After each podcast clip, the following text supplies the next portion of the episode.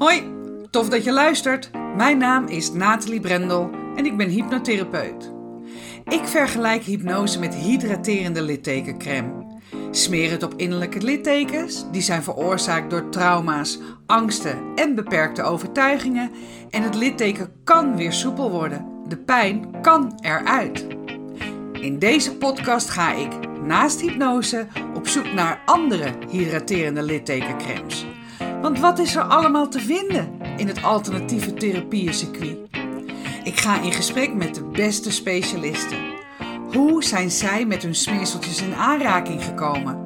Wat was het moment dat ze dachten: dit is te gek, hier ga ik in verder? En wat doet het precies? En ik spreek ervaringsdeskundigen. Waarom zijn ze juist deze therapievorm gaan volgen? En wat heeft het ze opgeleverd? Kortom, de verhalen achter de kremmetjes. Welkom bij Smeren met Brendel.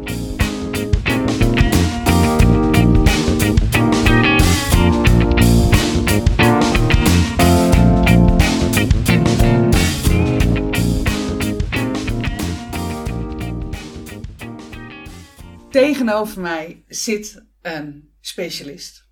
Tegenover mij zit Claudia Cornelissen en Claudia is quantum coach. Ik had daar nog nooit van gehoord. ik heb uiteraard wel van het kwantumveld gehoord, maar ik had nog nooit gehoord van een quantum coach. En Claudia, welkom in ieder geval. Dankjewel. Ja, welkom. Uh, ik ben hier bij jou in jouw mooie praktijk uh, hier in Castricum. En wij kwamen elkaar tegen bij BNI, Business uh, Network. Network International. Ja, sorry, ik ben er ook net bij, hè, dus dan moet je daar nog eventjes op oefenen. En wij spraken elkaar en kwamen eigenlijk tot de ontdekking dat we best wel veel gemeen hadden. En daarom leek het mij superleuk om jou in mijn podcast te hebben als specialist. Dus um, dank je wel daarvoor. Maar ten eerste, ja, quantum coach, dat is natuurlijk niet iets wat je wilde worden toen je vijf was. Wat wilde je wel worden toen je vijf was? Um, ik wilde bij de bank werken. Dat had ik al heel jong, want mijn vader die verbouwde de Rabobank destijds. Die was aannemer. En toen zei ik, ik ga bij een bank werken. Ik was altijd bezig met uh, vreemd geld. Als we op vakantie waren, had ik altijd de eierdozen met de muntjes. Ik was altijd met geld bezig. Oké. Okay. Dus ik zei altijd, ik ga bij een bank werken. En dat heb je best lang volgehouden, dan die gedachte. Want je hebt uh, 21 jaar bij ING gewerkt. Ja, ruim, na 23 zelfs. Ja. Ja.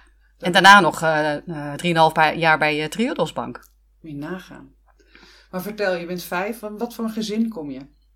ik heb een oudere zus. En hele lieve vader en moeder. En ik was zelf geboren met mijn heup uit de kom. En daar kwamen ze pas achter dat ik een jaar oud was. Dus ik heb vrij veel in het ziekenhuis gelegen. In, in mijn beleving heb ik mijn, tot en met mijn vijfde uh, ben ik in het ziekenhuis, bij wijze van spreken heb ik daar gewoond. Dat is niet zo, maar wel in mijn herinnering. Ja. Dus ik heb veel tijd doorgebracht in het ziekenhuis. En ik weet nog, uh, als ik daaraan terugdenk, hoe eenzaam ik me daar voelde. Want toen mochten je ouders er nog niet bij blijven. Dus mijn moeder, uh, want mijn vader was altijd aan het werk, want die was eigen, baas en Ja. die moest uh, hard werken. En um, mijn moeder moest weer naar huis. Dus die zei dan gedag. En dan, ik zie mijn, ik zie mijn moeder nog weglopen. En dan met, ja, weet je, met tranen in de ogen, want die wilde haar kind ook niet achterlaten. Nee. Maar ik voelde me wel in de steek gelaten. Zij ging weer terug naar mijn grote zus. En heb je dat gevoel, had je dat toen al, dat je je in de steek gelaten Ja. voelde? En wat deed dat met je? Ja, dat maakte me uh, boos en verdrietig en gefrustreerd. Ik merkte dat ik, en achteraf uh, kan ik nu heel veel gedrag van mijzelf verklaren. Maar ik was toen echt een gefrustreerd kind. Ik zei ook altijd, ik ben geadopteerd, ik lijk helemaal niet op jullie en ik heb heel ander gedrag. Mijn moeder zei ook altijd, jij bent lastig.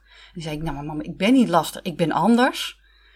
En ik had altijd het gevoel dat er niet naar me geluisterd werd, dat ik niet serieus genomen werd. Zeker niet op de momenten dat ik verdrietig of boos was.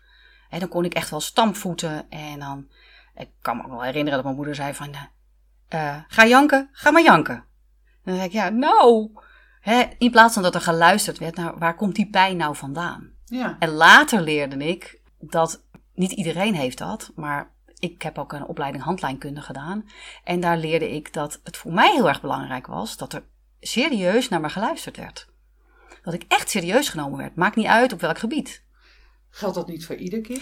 Ja, maar de een heeft daar meer problemen mee als het niet gebeurt dan de ander. En dat gold dus voor jou? Ja. Je bent vijf, je ligt voor jouw gevoel bijna altijd in het ziekenhuis. Er wordt niet naar je geluisterd. Ehm, je moeder vond je lastig. Ja. Dan groei je op. Ben je dan op een gegeven moment daar overheen? Of blijft dat iets wat bij je blijft? Hoe werkt dat voor jou? Hoe is dat voor jou zo richting je puberteit dan gegaan? Ja, ik denk dat het toch altijd wel voor een deel bij me is gebleven. Ik heb natuurlijk wel um, kopingsmechanismen gehad. Hè, om, uh, oh, ja, je gaat op een gegeven moment een weg vinden uh, om ermee om te gaan. Maar ik was wel altijd de eigenzinnige, uh, eigenwijze, lastige Claudia. Was dat de manier voor jou om ermee op te gaan? Om Blijkbaar. eigenzinnig en lastig te zijn? Ja, ik was altijd op, op, op zoek naar mijn eigen route. Weet je, als kinderen op school bijvoorbeeld merkkleding droegen, uh, dan zei ik, oh, dan wil ik ze juist niet. Ik ging juist dat tegendraadse gedrag vertonen. Dat heb ik nog wel hoor. Dus je deed eigenlijk gewoon wat je moeder zei. Je werd lastig. Ik was lastig. Ja. je werd gewoon lastig. Ja. Dus als jij vindt dat ik lastig ben, nou, dan word ik dat toch ook gewoon. Ja, precies.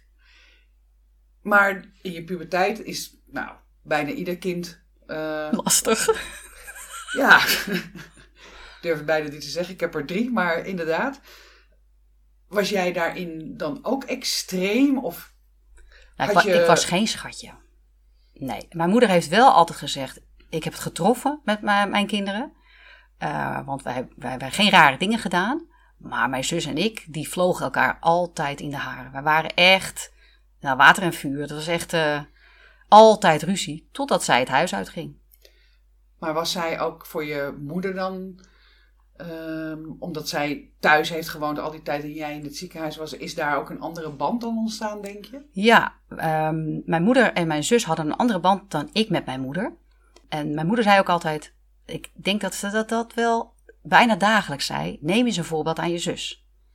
Oh ja, en dat, ja, dat was geen fijne opmerking. Nee. En dat heeft ze nooit zo bedoeld. Maar mijn zus, die was vrij braaf in mijn ogen. Die ging altijd uit zichzelf naar bed. Nou, ik was mijn bed niet in te rammen en er ook niet uit te krijgen. Mijn zus kwam netjes zelf uit het bed. Uh, was ook opgewekt. Ik was altijd strontzaggerijnig als ik mijn bed uitkwam. Ik had die slaap heel hard nodig. Achteraf weet ik ook Oké, ik was volledig uit balans. Ik at en dronk dingen die niet bij mijn lijf pasten, waardoor ik gewoon biochemisch uit balans was. Ja, dat wist ik toen nog niet. Wisten nee. mijn ouders ook niet. Ik moest mijn broodje opeten, ik moest mijn melk opdrinken. Uh, uit DNA-onderzoek is inmiddels gebleken dat ik glutengevoelig en lactosegevoelig ben. Dus ja, dan doe je het niet zo goed op datgene wat je binnenkrijgt. Nee, en dat is lichamelijk. Maar ik kan me ook voorstellen dat zo'n omgeving waarin je dan opgroeit, waarin je aan de ene kant wordt gezegd van je bent lastig en dat ben je dan ook. Aan de andere kant nemen ze een voorbeeld aan je zus. Wellicht ook dat je je eenzaam kan hebben gevoeld ja. daarin. Ja. Ja, dat was denk ik ook de reden waarom ik zei: ik ben geadopteerd. Ik voelde me helemaal niet uh, verbonden met het gezin. Nee. Ik had wel een hele goede band met mijn vader. Uh, maar die was er nooit. Want die was altijd aan het werk en als hij thuis kwam was hij moe. En dat kon ik heel goed begrijpen. Maar als kind had ik wel mijn vader nodig. Ja. En wat mijn moeder ook altijd deed, want mijn moeder vond, vond mij echt lastig. Ze kon mij echt niet aan. Ik was echt geen um, katje om zonder handschoenen aan te pakken. Op een gegeven moment zei ze ook: Wacht maar tot je vader thuis komt, want die pak je wel aan. En toen zei mijn vader: Ja, maar ik wil niet thuiskomen en dan de boeman moeten spelen. Hij zegt: dat, Die rol wil ik niet. Wat deed je allemaal? Doe eens wat. Wat, wat, wat, wat, wat, voor katje was je?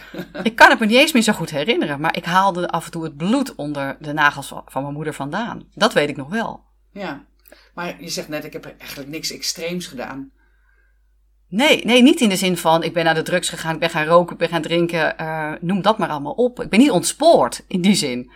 Maar ja, ik was wel uh, brutaal en uh, eigenwijs en ik weet ook nog goed, mijn moeder maakte onze eigen kleding. En op een gegeven moment was ik daar helemaal klaar mee. Want de smaak van mijn moeder en mij liep volledig, nou ja, uit elkaar, zou ik maar zeggen. En ze maakte niet wat jij leuk vond? Nee, op een gegeven moment zei ik van, nou man, het hoeft niet meer. En toen gingen we winkelen. En als ze dan met een kledingstuk kwam, dan zei ik altijd meteen: nee hoor, vreselijk.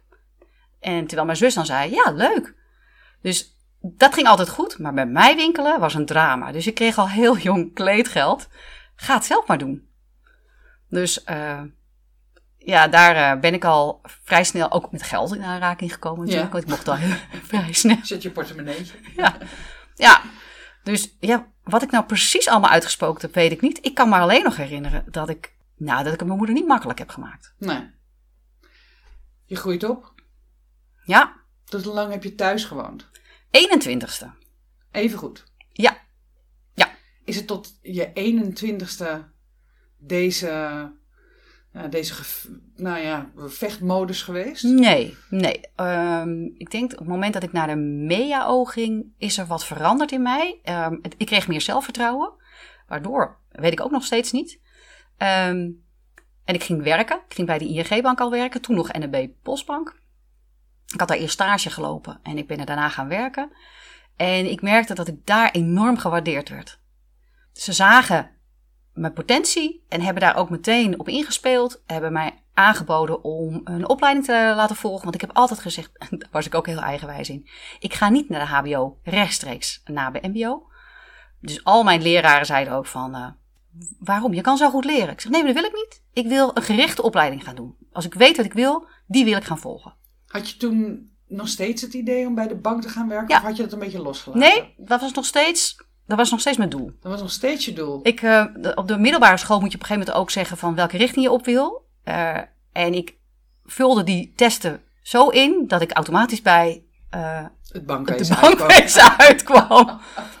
Dat was mijn doel. En nou ja, ik heb er ook met heel veel plezier gewerkt. En ik heb er ook heel veel geleerd. Want het heeft mij ook doen groeien. Ik heb heel veel ontwikkelingstrainingen ook bij de bank mogen volgen. En zo ben ik ook weer als persoon gegroeid. Ja, dat snap ik. Ja, 21, je gaat het huis uit. ja. Wat ben je gaan doen? Ben je op jezelf gaan wonen? Ik ben gaan samenwonen. Oh, je bent gelijk gaan samenwonen? Ja, gelijk gaan samenwonen met mijn eh, eh, tweede vriend toen. Het heeft niet heel lang geduurd. maar ik kon niet meer terug naar huis. Want mijn ouders hadden inmiddels het huis verkocht. Dus die hadden een appartement in het centrum van Heemskerk gekocht. En die zeiden ook, ja, je kan nu niet meer terug. Dat is ook een eh, optie. Dat was echt heel bizar. Dat ik dacht, oh jee, dan kan ik ook niet meer terug. Nee. Wat heb je gedaan? Ik heb toen tijdelijk even ondergehuurd eh, eh, aan dat spoor bij Heemskerk. Nou, dat was echt een drugsflat. Dus mijn ouders zaten ook echt met samengeknepen billen. Echt zo van, oh jeetje, gaat het daar wel goed met hem? Ja, dat hadden ze. Ze wilden je niet teruggeven. Ja. Gewoon ook niet terug. Kan ook niet terug. Nee, maar dat, dat heeft gelukkig maar ik denk een half jaar geduurd. En toen, eh, eh, even kijken, waar ben ik toen gaan wonen? Oh ja, eh, in een appartement in Heemskerk, in het centrum. Daar kon ik een appartement huren. Daar ben ik weer gaan samenwonen. En uiteindelijk ook getrouwd. Met mijn eerste man. Met je eerste man. En je bent daar in het, bij de ING blijven werken. Na je stageperiode. En ondertussen heb ik mijn HBO-opleiding mogen doen. Volledig door de bank gefinancierd. Ja. Ehm, wat ik wel ook nog tijdens mijn jeugd heb ervaren, is ik kon nooit sporten. Alle sporten die ik deed, eh daar had ik last van mijn knieën. En ik had echt vanaf, nou, ik was ongeveer een jaar of negen, eh, had ik extreme kniepijn. Zo- Zo'n pijn dat ik ook niet kon traplopen. Dus En dat had niks te maken met je heup van daarvoor. ik dacht altijd van, nou, dat moet wel met mijn heup te maken eh, gehad hebben. Maar ik Ja. heb later, heb ik eh, via onze buurman, die was toen manueel therapeut, eh, hebben we nog foto's laten maken. Hij zegt, het ziet er echt keurig uit. Het is zo mooi gerepareerd. Hij zegt, daar kunnen je klachten niet vandaan komen. En later bleek dat mijn knieschijven scheef stonden, dat ik eh, bijna geen kraakbeen meer had. Dus blijkbaar kwam daar de pijn vandaan. Maar waar de oorzaak vandaan kwam, dat kwam pas veel later achter. Oké. Maar dat, je zegt dat heb je al vanaf je negende gehad, die pijn in Ja. je knie? En allebei je knieën? Ja, En allebei ook op dezelfde plek? ja.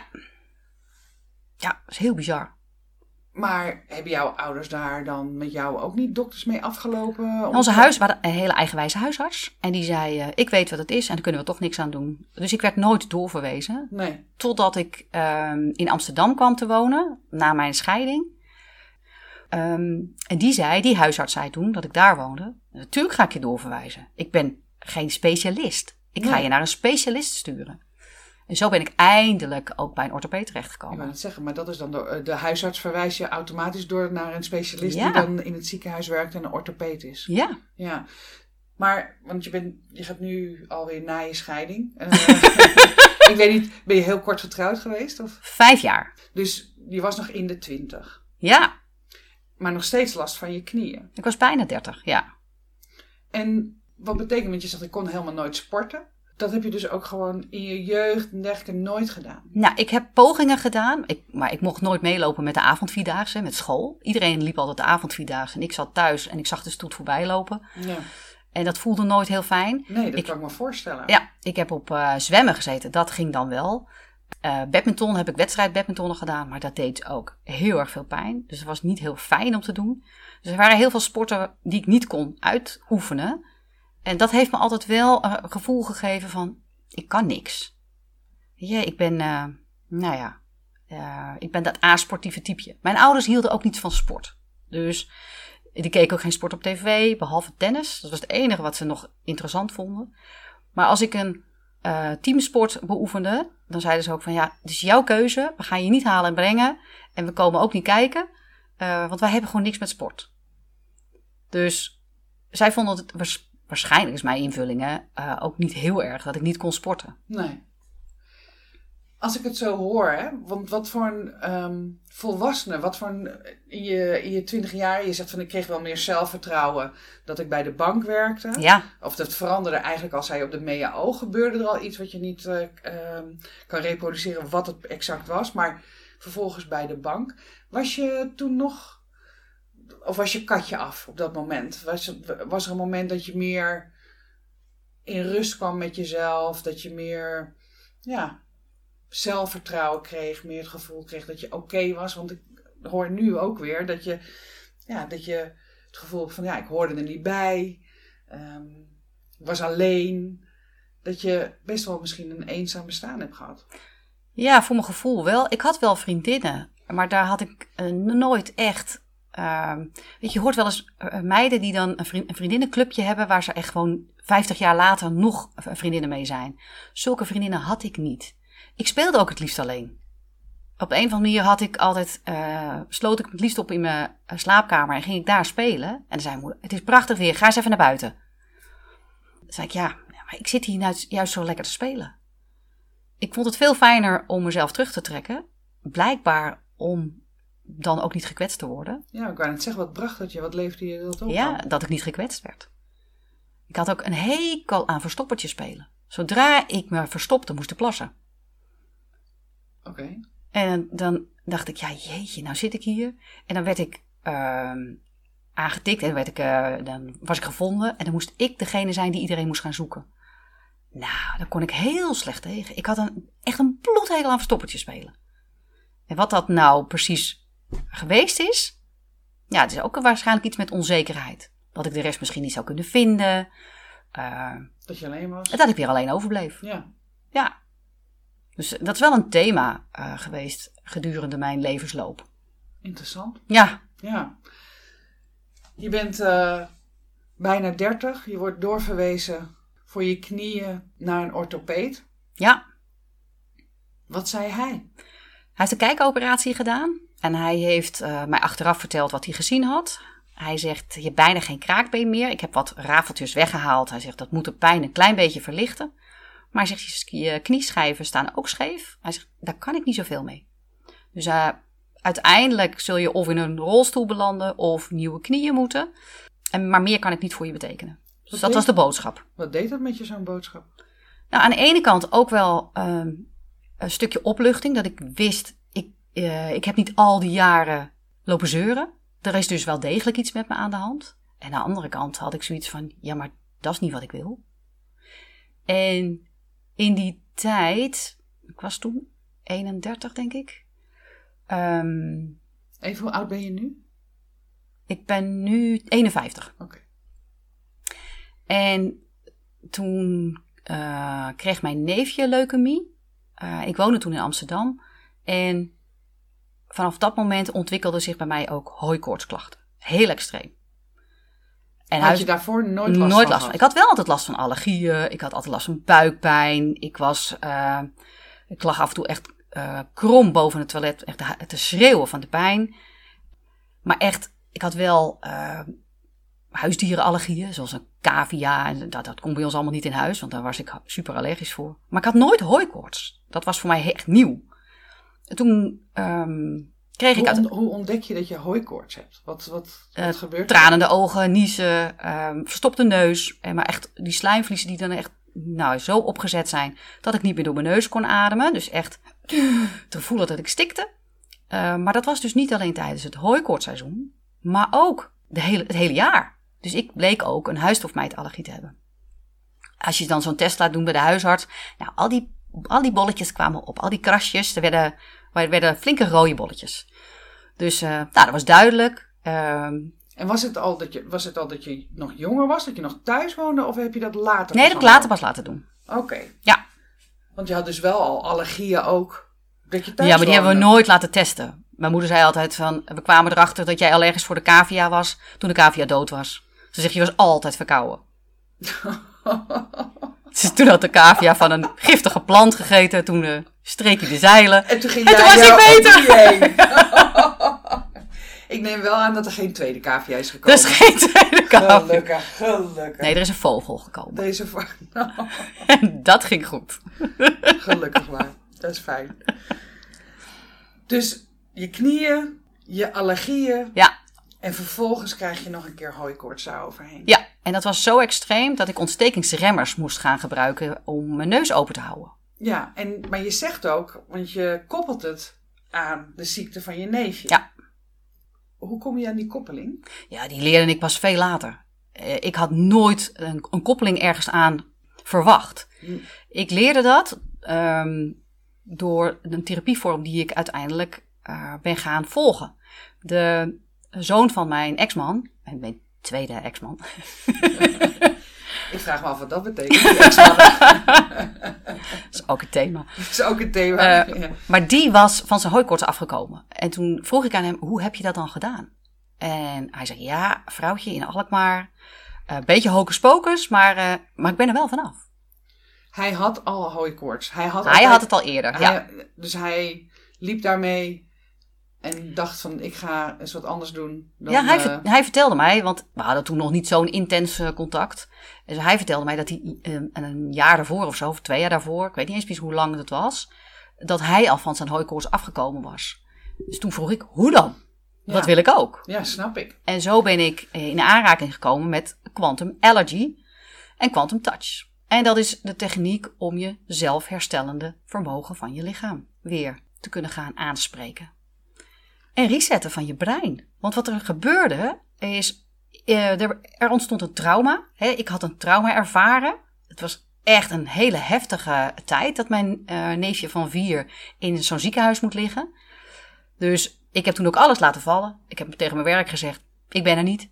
En ik zeg, ik zet mijn telefoon uit. Ik ben even helemaal niet bereikbaar. En dat is het neefje, dat is het zoontje van je Van de zus. zus. Die zus waar je als kat en muis altijd mee Ja. vocht. Ja, maar zodra wij, zij het huis uitging, Ja. kregen wij een hele andere band. Dus, eh, en wij kunnen er nu achteraf ook heel goed over praten. Over wat wij allebei hebben ervaren als kind. En zij zag ook wel dat, er, dat ik op een andere manier behandeld werd dan. En dat er nog af en toe op een andere manier over mij gesproken wordt dan over hoe ze mijn zus hebben ervaren. Ja. En daar kunnen we nu heel goed over praten. Maar ja, als, als kind zijnde, ja, was het echt, eh, eh, was ik denk ik eerder jaloers op haar. Ik denk dat dat het meer was. ja, Waarom kan zij het allemaal wel goed doen en, en ik niet? dat herken ik wel. Ik heb een broer die zes jaar ouder is dan ik. En wij hebben allebei een andere vader. En hij was dus eigenlijk heel jaloers op dat ik mijn vader wel had. Ja, en hij niet. Achteraf gezien kunnen we dat met elkaar heel goed concluderen. Maar het was voor mij best heel lastig om een oudere broer te hebben die eigenlijk het liefste wilde dat je er niet was. ja, Die mij heel lastig en heel vervelend vond. Dus ik herken dat wel. En nu zijn we dikke maten, dus dat is heel fijn. Ja. Maar dat herken ik wel. Even terug. Jij gaat op aanraden van jouw stiefzoon ik Naar- noem hem altijd cadeauzoon. je cadeauzoon, prachtig woord, ga jij naar dat vrouwtje Ja! in Alkmaar, hè, zoals je net noemt. Wat gebeurde er dat je daar was? Want je vertelde van, ik heb hooikoorts. Ja, ik heb hooikoorts en het eerste wat ze deed was kijken of ik wel recht stond. Ik denk, wat heeft dat nou weer met hooikoorts te maken? Ja. Toen legde ze ook uit. eh, als er iets in de wervelkolom, in de eh, bekken, in de heupen, als daar iets, iets in scheef staat, dan krijgen ook de zenuwbanen die uiteindelijk naar je organen gaan, niet voldoende energie. Hè, daar moet voeding naartoe, daar moeten frequenties naartoe, daar moet, ehm, we moeten zorgen dat die eh, organen optimaal kunnen functioneren. Oké, nou ja, dus dat ging ze met mij doen. Hè. Die- Klonk logisch. ja, klonk logisch. En dus, dus toen zei ze ook, ze zegt, eh, ik ga mijn handen op jouw eh, heupen leggen, op, je, nou, op de plekken waar we het op dat moment moesten behandelen. En ik had echt zoiets van, wat is die nou allemaal aan het doen? En ik ging heen en weer wiebelen Want je en kwam voor hooikoorts. ik kwam voor hooikoorts. En ze ging je handen op je haar Op mijn bekken en op je mijn heupen. En ik ging maar heen en weer wiebelen. En ik keek ook mijn man toen aan. Hij Ik zeg, want die was mee. En eh, ik had echt zoiets ik weet niet wat ze allemaal aan het doen is hoor, maar... eh, en, eh, nou, en heen en weer wiebelen. En ik was aan het draaien. En er gebeurde van alles. Maar ik had geen idee wat er gebeurde. En toen liet ze ook aan mijn man zien van... nou kijk, nu staat ze helemaal recht. Pardon? Ja, dat heb je zelf gedaan. Ik zeg, nee, dat heb, heb jij gedaan, want jij bent toch met mij bezig? Nee, zegt ze. Bij Quantum Touch is degene die behandeld wordt, is de healer. Het enige wat ik als behandelaar doe, is energie aanbieden, een hoge energie aanbieden. En jouw lichaam is uit balans, betreft een lage energie. En die gaat automatisch meetrillen met de hoge energie. En zo herstel jij jezelf. Ik zeg, is zo simpel? Ja, zegt ze, zo simpel is het. En toen zijn we aan de slag gegaan met de allergieën. En dat is eigenlijk een kwestie van het brein weer het zijn veilig geven. Want blijkbaar heeft mijn brein eh, het idee opgevat dat eh, pollen levensgevaarlijk waren. Die komen je neus binnen, hè, je eh, ademt ze in en op dat moment gaat het immuunsysteem slaat op tilt. Dit is een vijand. Dat kan zijn als je iets in je mond stopt, dat kan zijn als je iets aanraakt, het kan zijn als je iets ziet, hoort. Het maakt niet uit. Als je er een bepaalde herinnering bij hebt, die vaak negatief is, dan kan jouw brein daar een koppeling tussen leggen. En dat bleek dus ook met de pollen. En, de En de, pollen- en de huisstofmeid. hoe koppel je dat aan de ziekte van je neefje dan? Het was zo'n extreme stress eh, situatie. Ja. Eh, en ik lag toen ook, eh, ik was toen net gescheiden van mijn eerste man. Dus dat was allemaal vrij stressvol verlopen. En dus twee stresssituaties bij elkaar zorgden onder andere ook voor dat ons microbioom in de darm, de bacteriehuishouding, eh, uit balans raakt. Dan ben je ook gevoeliger voor eh, allerlei eh, situaties van buitenaf. En waaronder ook allergieën. En op dat moment, eh, als het dan binnenkomt, dan is die impact even groter. En dan kan het brein dus denken van, oh, dit, was, dit wel heel gevaarlijk, want je, je gaf er een reactie op. En zo simpel kan het zijn. En dat bleek later ook met eh, mijn knieën. Ik kwam er later achter dat ik op water reageerde. Gewoon kraanwater. Ik was als zesjarig meisje een keer bijna verdronken, dat we op vakantie waren. Ik kwam al zwemmend onder zo'n rubberen boot. En ik wilde omhoog om adem te halen. Daar zat die rubberen boot. Dus ja, in plaats van ademhalen haalde ik eh, eh, Water. water binnen. Ja. En vanaf dat moment heeft mijn brein het idee opgevat. Oké, dus als jij water binnenkrijgt, dan ga jij dus bijna stikken. Dan ben je er bijna niet meer. Dus elke keer als jij een glas water gaat drinken, ga ik jou een seintje geven. En ehm, dat doet hij heel geleidelijk, heel subtiel. En op mijn negende ongeveer, ik- achtste, negende, we waren in Frankrijk op vakantie. En ik lag in een rubberen bootje. Dat rubberen bootje waar ik ook onder eh, eh, had gelegen. En in de zon. En we gingen het water op. En met dat water ehm, lag ik in dat bootje. En daarna begint mijn knie toch te ontsteken. Echt, hij werd vuurrood, heet. En vanaf dat moment is het niet meer overgegaan. Toen werd het alleen maar erger. En toen kwam mijn andere knie er ook bij. En zo ging het van kwaad tot erger. ja, want zo werkt je brein. Hè? Je brein eh, gaat generaliseren. Want Ja, het maar is je, natuurlijk je heel- luistert niet. Nee. Maar ik kan me ook wel voorstellen dat hè, in dit geval, als iets één keer gebeurt, dan uh, is het een incident. Gebeurt het twee keer, dan is het toeval dat het nog een keer gebeurt. En bij de derde keer denkt je brein van, oh, nu hebben we een patroon. Ja. Als dit, dan dat. Dus als er water binnenkomt, dan reageer ik, uh, op, de, dan reageer ik op deze manier. Maar dat gebeurde dus bij jou ook. Ja. Ja. En door eigenlijk, uh, ik heb uh, geleerd om met Quantum Allergy ook mezelf te behandelen. Het is een hele eenvoudige techniek die ik ook mijn cliënten altijd leer.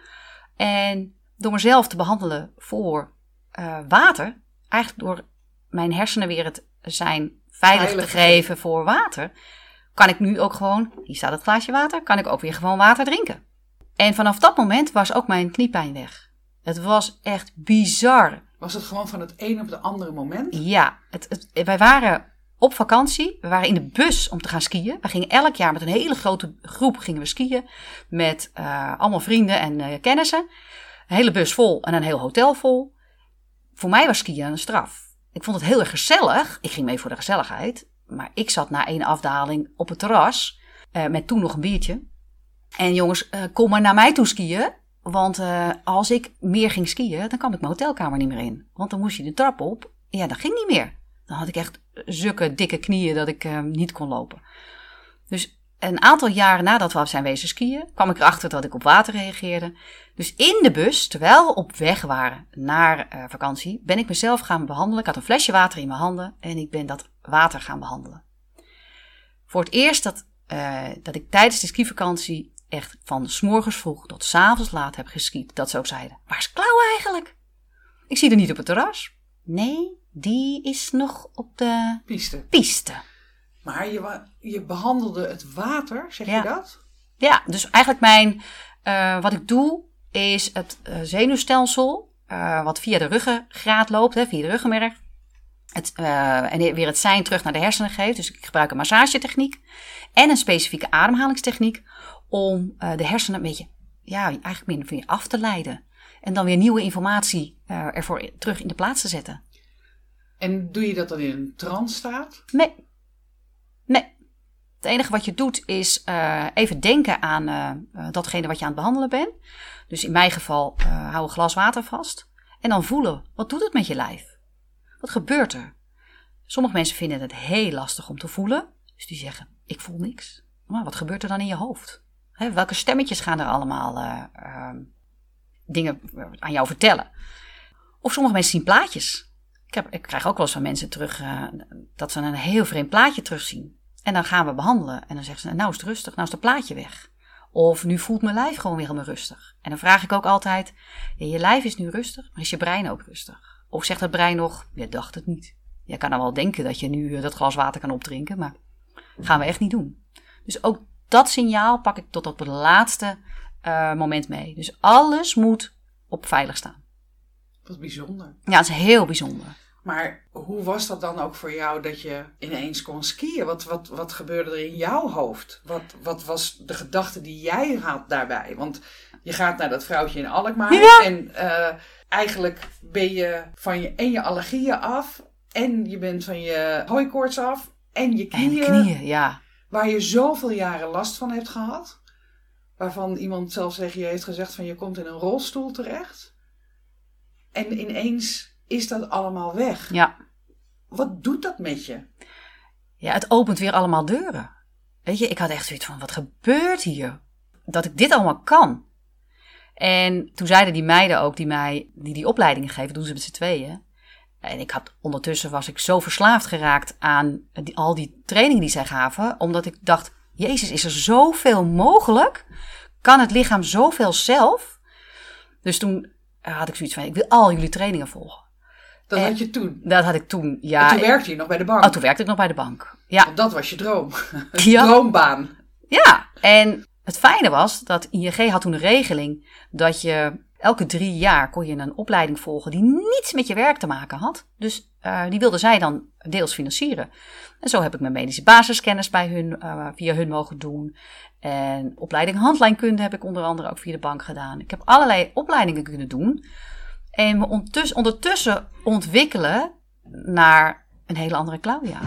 Ik merkte dat ik heel blij werd van mensen verder kunnen helpen. Dat deed ik bij de bank eigenlijk ook al. Ik was altijd de vraagbaak. al vanaf het moment dat ik bij de bank begon, was ik altijd de vraagbaak. Uh, konden ze altijd bij me terecht als ze hulp nodig hadden. En ik merkte dat ik het heel fijn vond als ik ze uh, handvatten kon geven en dat ze weer verder op weg konden. Dat ze hun eigen pad weer konden volgen. En dat dat ook met het eigen lichaam kon, ja, dat wist ik toen natuurlijk nog niet. Maar dat vond ik wel echt zo geweldig.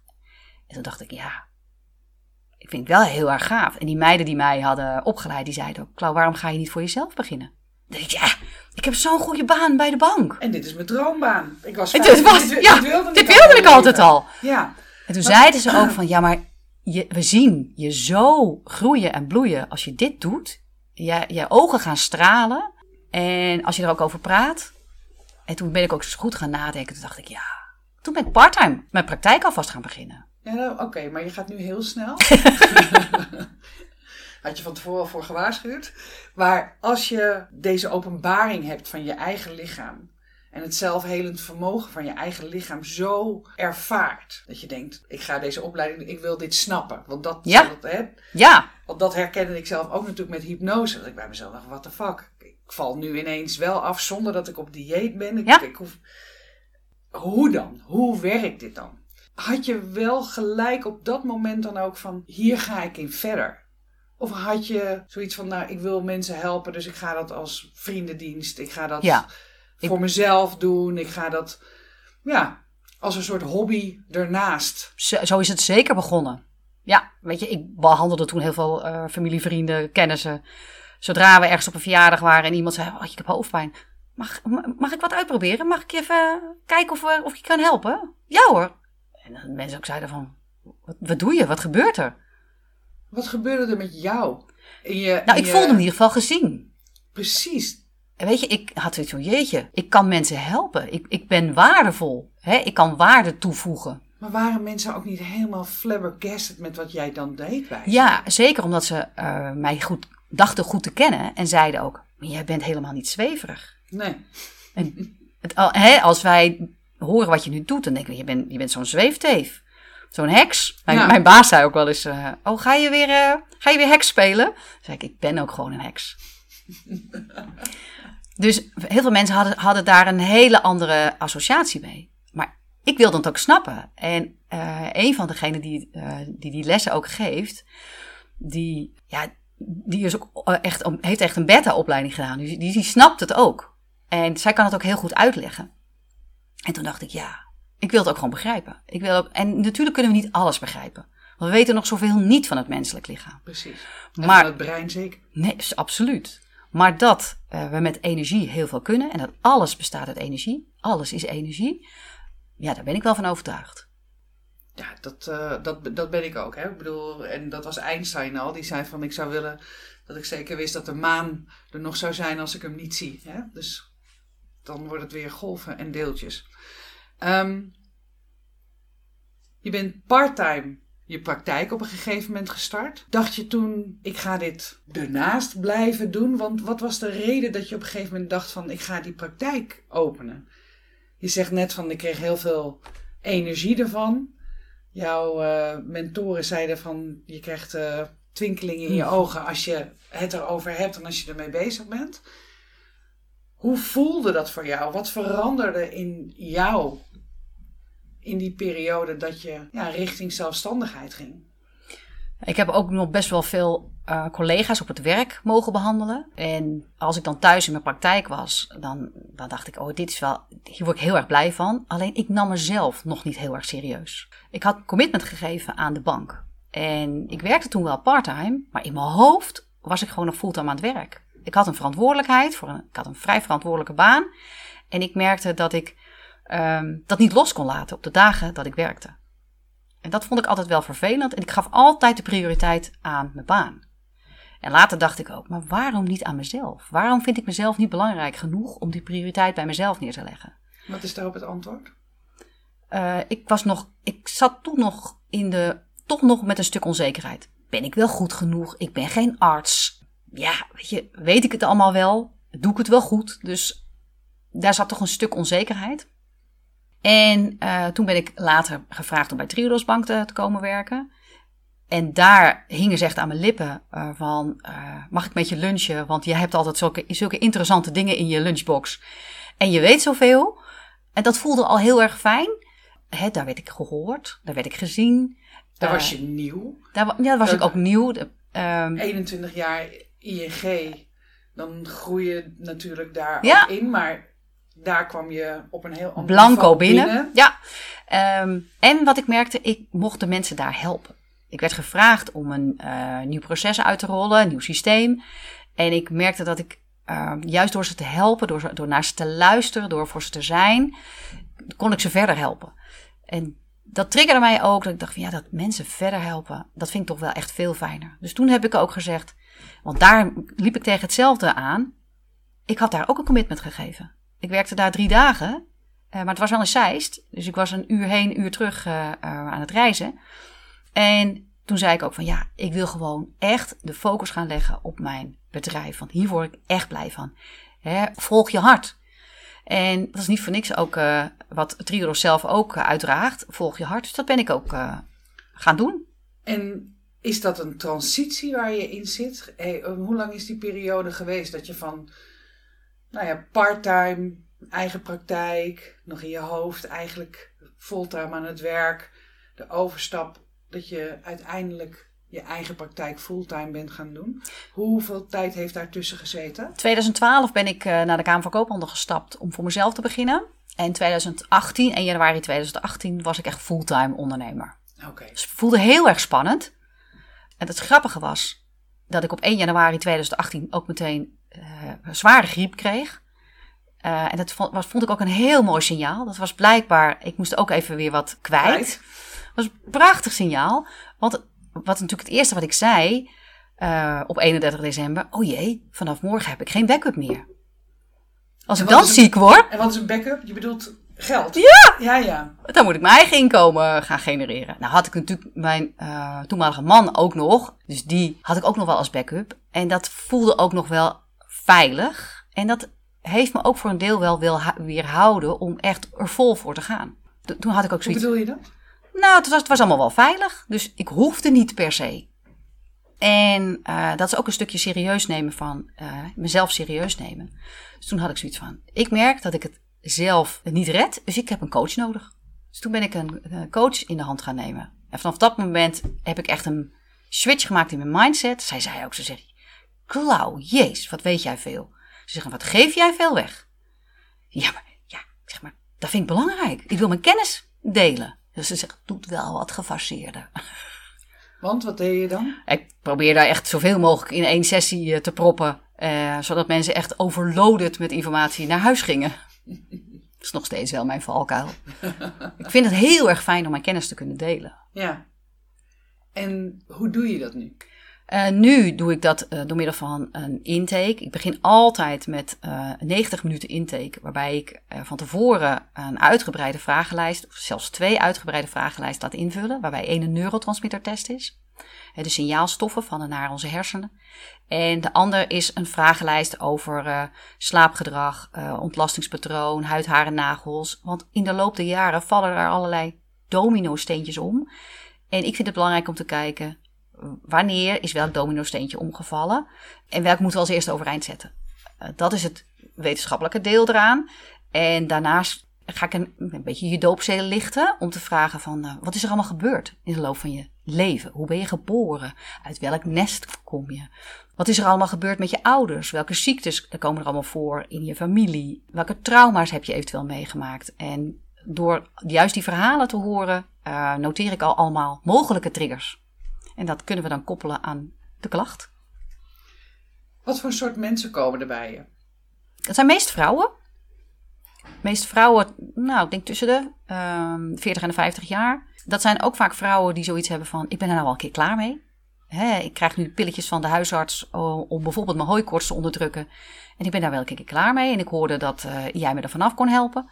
Het is vaak met een gezin, een druk gezin, veel stress. Dus het zijn ook wel uh, ondernemers die met een nou ja, stressvolle baan, stressvolle praktijk of stressvolle um, onderneming alle ballen hoog moeten houden.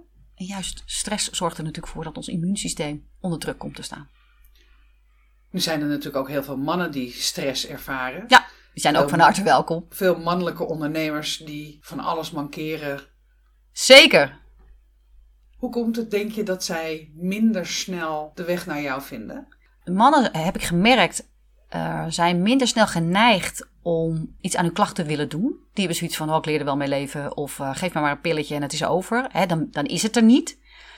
Ehm, zonder over de consequenties na te denken wat zo'n pilletje ook nog met je eh, lijf doet. En zijn minder snel geneigd om ook in de spiegel te durven kijken en met zichzelf aan de slag te gaan. Sommigen vinden dat ook nog wel eng. Wat ga ik allemaal tegenkomen? Dat is natuurlijk ook eng. Ja, Ja, want je komt natuurlijk van alles tegen. ja. Nu zeg je van vrouwen zijn daar eerder toe geneigd Ja. om dat te doen. Hoe zouden we mannen kunnen stimuleren om deze stap ook te zetten? Want ik heb het idee dat er heel veel mannen zijn die jouw kennis en kunde heel goed zouden kunnen gebruiken. Ja, nou, ik heb gelukkig wel ook best wel veel mannen in mijn praktijk gehad. Ja, ik weet niet hoe we eh, mannen daartoe kunnen zetten. Ik denk dat het toch ook door ervaringen, hè, wat jij ook doet met je podcast, door mannen te laten vertellen hoe het komt dat zij deze stap gezet hebben en van hun klachten af zijn gekomen. Juist door die ervaringen met elkaar te delen, dat je zo de mannen kunt bereiken. Het is wel een hele mooie manier. Dat is zo grappig. Ik had van de week een huurauto, ehm, of een leenauto moet ik eigenlijk zeggen. Want mijn auto was in de garage. En daar lag een stripje met pillen lag er in het middenconsole van de eh, garage-eigenaar. En ik keek en het waren hooikoortspillen. en ik dacht bij mezelf, wauw.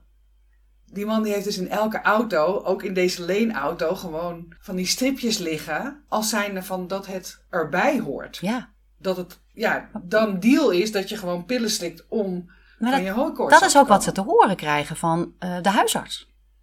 Ik kan je alleen een pilletje aanbieden, dus leer er maar mee leven. Dat is vaak wat ze te horen krijgen. Dus veel mensen weten niet dat je er wel degelijk ook vanaf kunt komen. Bijzonder. Ja, Wat me nog eh, ehm, opviel aan wat jij zei, als jij met mensen gaat praten en ook hun verleden doorneemt en waar eventuele trauma's kunnen zitten.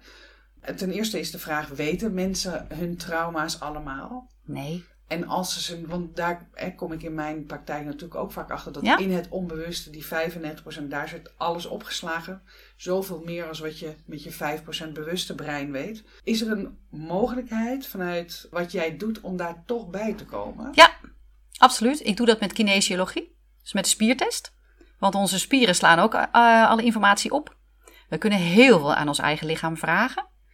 En eh, als ik niet weet welke richting ik eh, het op moet zoeken, dan gebruik ik eh, speciale mindmaps. Dat is de training, die is de Quantum Share training, die ook die diezelfde meiden die mij opgeleid hebben, van qtouch.nl. Ja. Ehm, dat is ook mijn favoriete training. Ik ben daar altijd bij als zij die training geven. Dan pak ik die mindmaps erbij en dan gaan we met elkaar gaan we uittesten waar zou het mee te maken kunnen hebben. En er komt altijd een verhaal naar boven op basis van één woord. En dan is het echt waar. En dan gaan we daarmee aan de slag. Met Ja, dat ene Met woord. het ene woord. En dat kan bijvoorbeeld een woord eh, als ehm, hebzucht zijn. Hè, er komt er bijvoorbeeld een emotie naar boven en heb, komen, komen we op hebzucht. Of we komen op eh, eh, mineralen uit. Een specifieke mineraal magnesium. En dan testen we ook, oké, heb je magnesium nodig? Of reageer je juist op magnesium? Hè? Oh, dan hoor ik ook wel eens mensen zeggen, oh nee, ik moet echt geen magnesium slikken hoor. Want dan kan ik echt niet tegen. Oké, dan misschien heeft er, zit er wel een trauma aan vast aan magnesium. Dat kan. Dus of misschien heb je het wel heel hard nodig. En zo komen we steeds door eh, te testen. Dan komen we op eh, onderwerpen uit waar we denken. En ik kom wel eens op woorden dat ik denk. En dan kijk ik ze ook aan. Ik heb geen idee waarom ik op dit woord kom. En dan gaat er bij hun een lampje branden. Dan zie je ze echt zo van. Nou, ik wel. Oké, vertel. Zijn ze gelijk getriggerd? Ja, zijn ze gelijk getriggerd. Bijzonder. Heel bijzonder. Ja, en elke keer blijf ik me weer verbazen wat er allemaal naar boven komt en wat er allemaal daardoor opgelost kan worden. Want even hooikoorts nemend. Ja. Hoeveel behandelingen zijn er gemiddeld nodig bij jou om daar gewoon vanaf te komen? Ik heb de ervaring binnen vier sessies zijn mensen van hun hooikoortsklachten af. Mensen die hun hele leven Ja. hooikoorts hebben gedaan, zijn daar binnen vier sessies vanaf. Ja. Ja, kunnen gewoon weer naar buiten. Spelen met hun kinderen. Hè, op het moment dat de pollen volop uh, uh, ronddwarrelen in de zomer bijvoorbeeld en kunnen gewoon weer normaal naar buiten. Zonder dat ze tranende ogen, loopneus, niezen en zonder tabletjes. Dat vind ik het allerbelangrijkste. Ja, dat snap ik. Ja. Maar het is natuurlijk ook heel bijzonder. Het zelfhelend vermogen van het lichaam zich op deze manier dan uit. Ja, ik doe er wel altijd een combinatie bij. Ik kijk ook naar de voeding. Want op het moment dat je dingen eet die niet bij je passen, dan blijf je je immuunsysteem onder druk zetten. Dus de kans dat er dan weer een nieuwe allergie zich gaat ontwikkelen, is groter. Dus ik pak het wel graag goed aan. Ik pak, ik, pak altijd de basis mee. En voeding is bij mij altijd de basis. Dus ik kijk ook naar wat eet je, wat drink je, uh, hoe slaap je. Want slaap is ook enorm belangrijk voor ons immuunsysteem. En dat neem ik wel mee in mijn hele aanpak. Dat vind ik wel heel belangrijk. Dus betekent dat dan ook dat mensen voor de rest van hun leven op een bepaald dieet zitten? Nee, wat ik ze altijd meegeef is kennis. Ik leer ze wat de impact is van bijvoorbeeld een glas wijn. Wat dat met hun lijf doet. Ik ga niet tegen ze zeggen, je mag geen wijn meer. Maar ik ga ze wel vertellen, elk glas alcohol heeft impact op jouw microbioom. Dus op de bacteriën in jouw darm. En daarmee direct impact op jouw immuunsysteem. Dus weet dat, besef dat. Daar kun je wat aan doen. dat kun je ook weer heel snel helpen, herstellen. Maar dat moet je je wel realiseren. En dat doe ik met allerlei voedingsmiddelen. Als ik weet dat mensen eten, dan zeg ik soms tegen ze: Oké, deze combinatie is heel zwaar te verteren. Als je die uh, op, op een andere manier combineert, is het wat makkelijker te verteren. Bij de een heeft daar meer last van dan de ander. Dus kijk ook altijd naar je ontlasting. Kijk altijd achterom als je naar de wc bent geweest. Het vertelt je zoveel over je vertering. Waar moet je op letten? Dat je geen plakpoep hebt. Zo belangrijk. Je hebt geen wc-papier nodig. Als je goede ontlasting heb je geen wc-papier nodig. En glijdt die gewoon heel makkelijk naar buiten.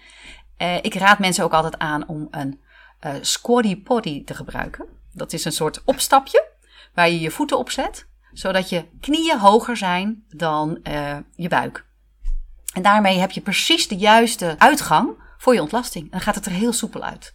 Die staat bij mij beneden en boven bij het toilet. Nou, dat is een mooie tip in ieder geval. die we de luisteraars van deze podcast uh, kunnen mee, uh, meegeven.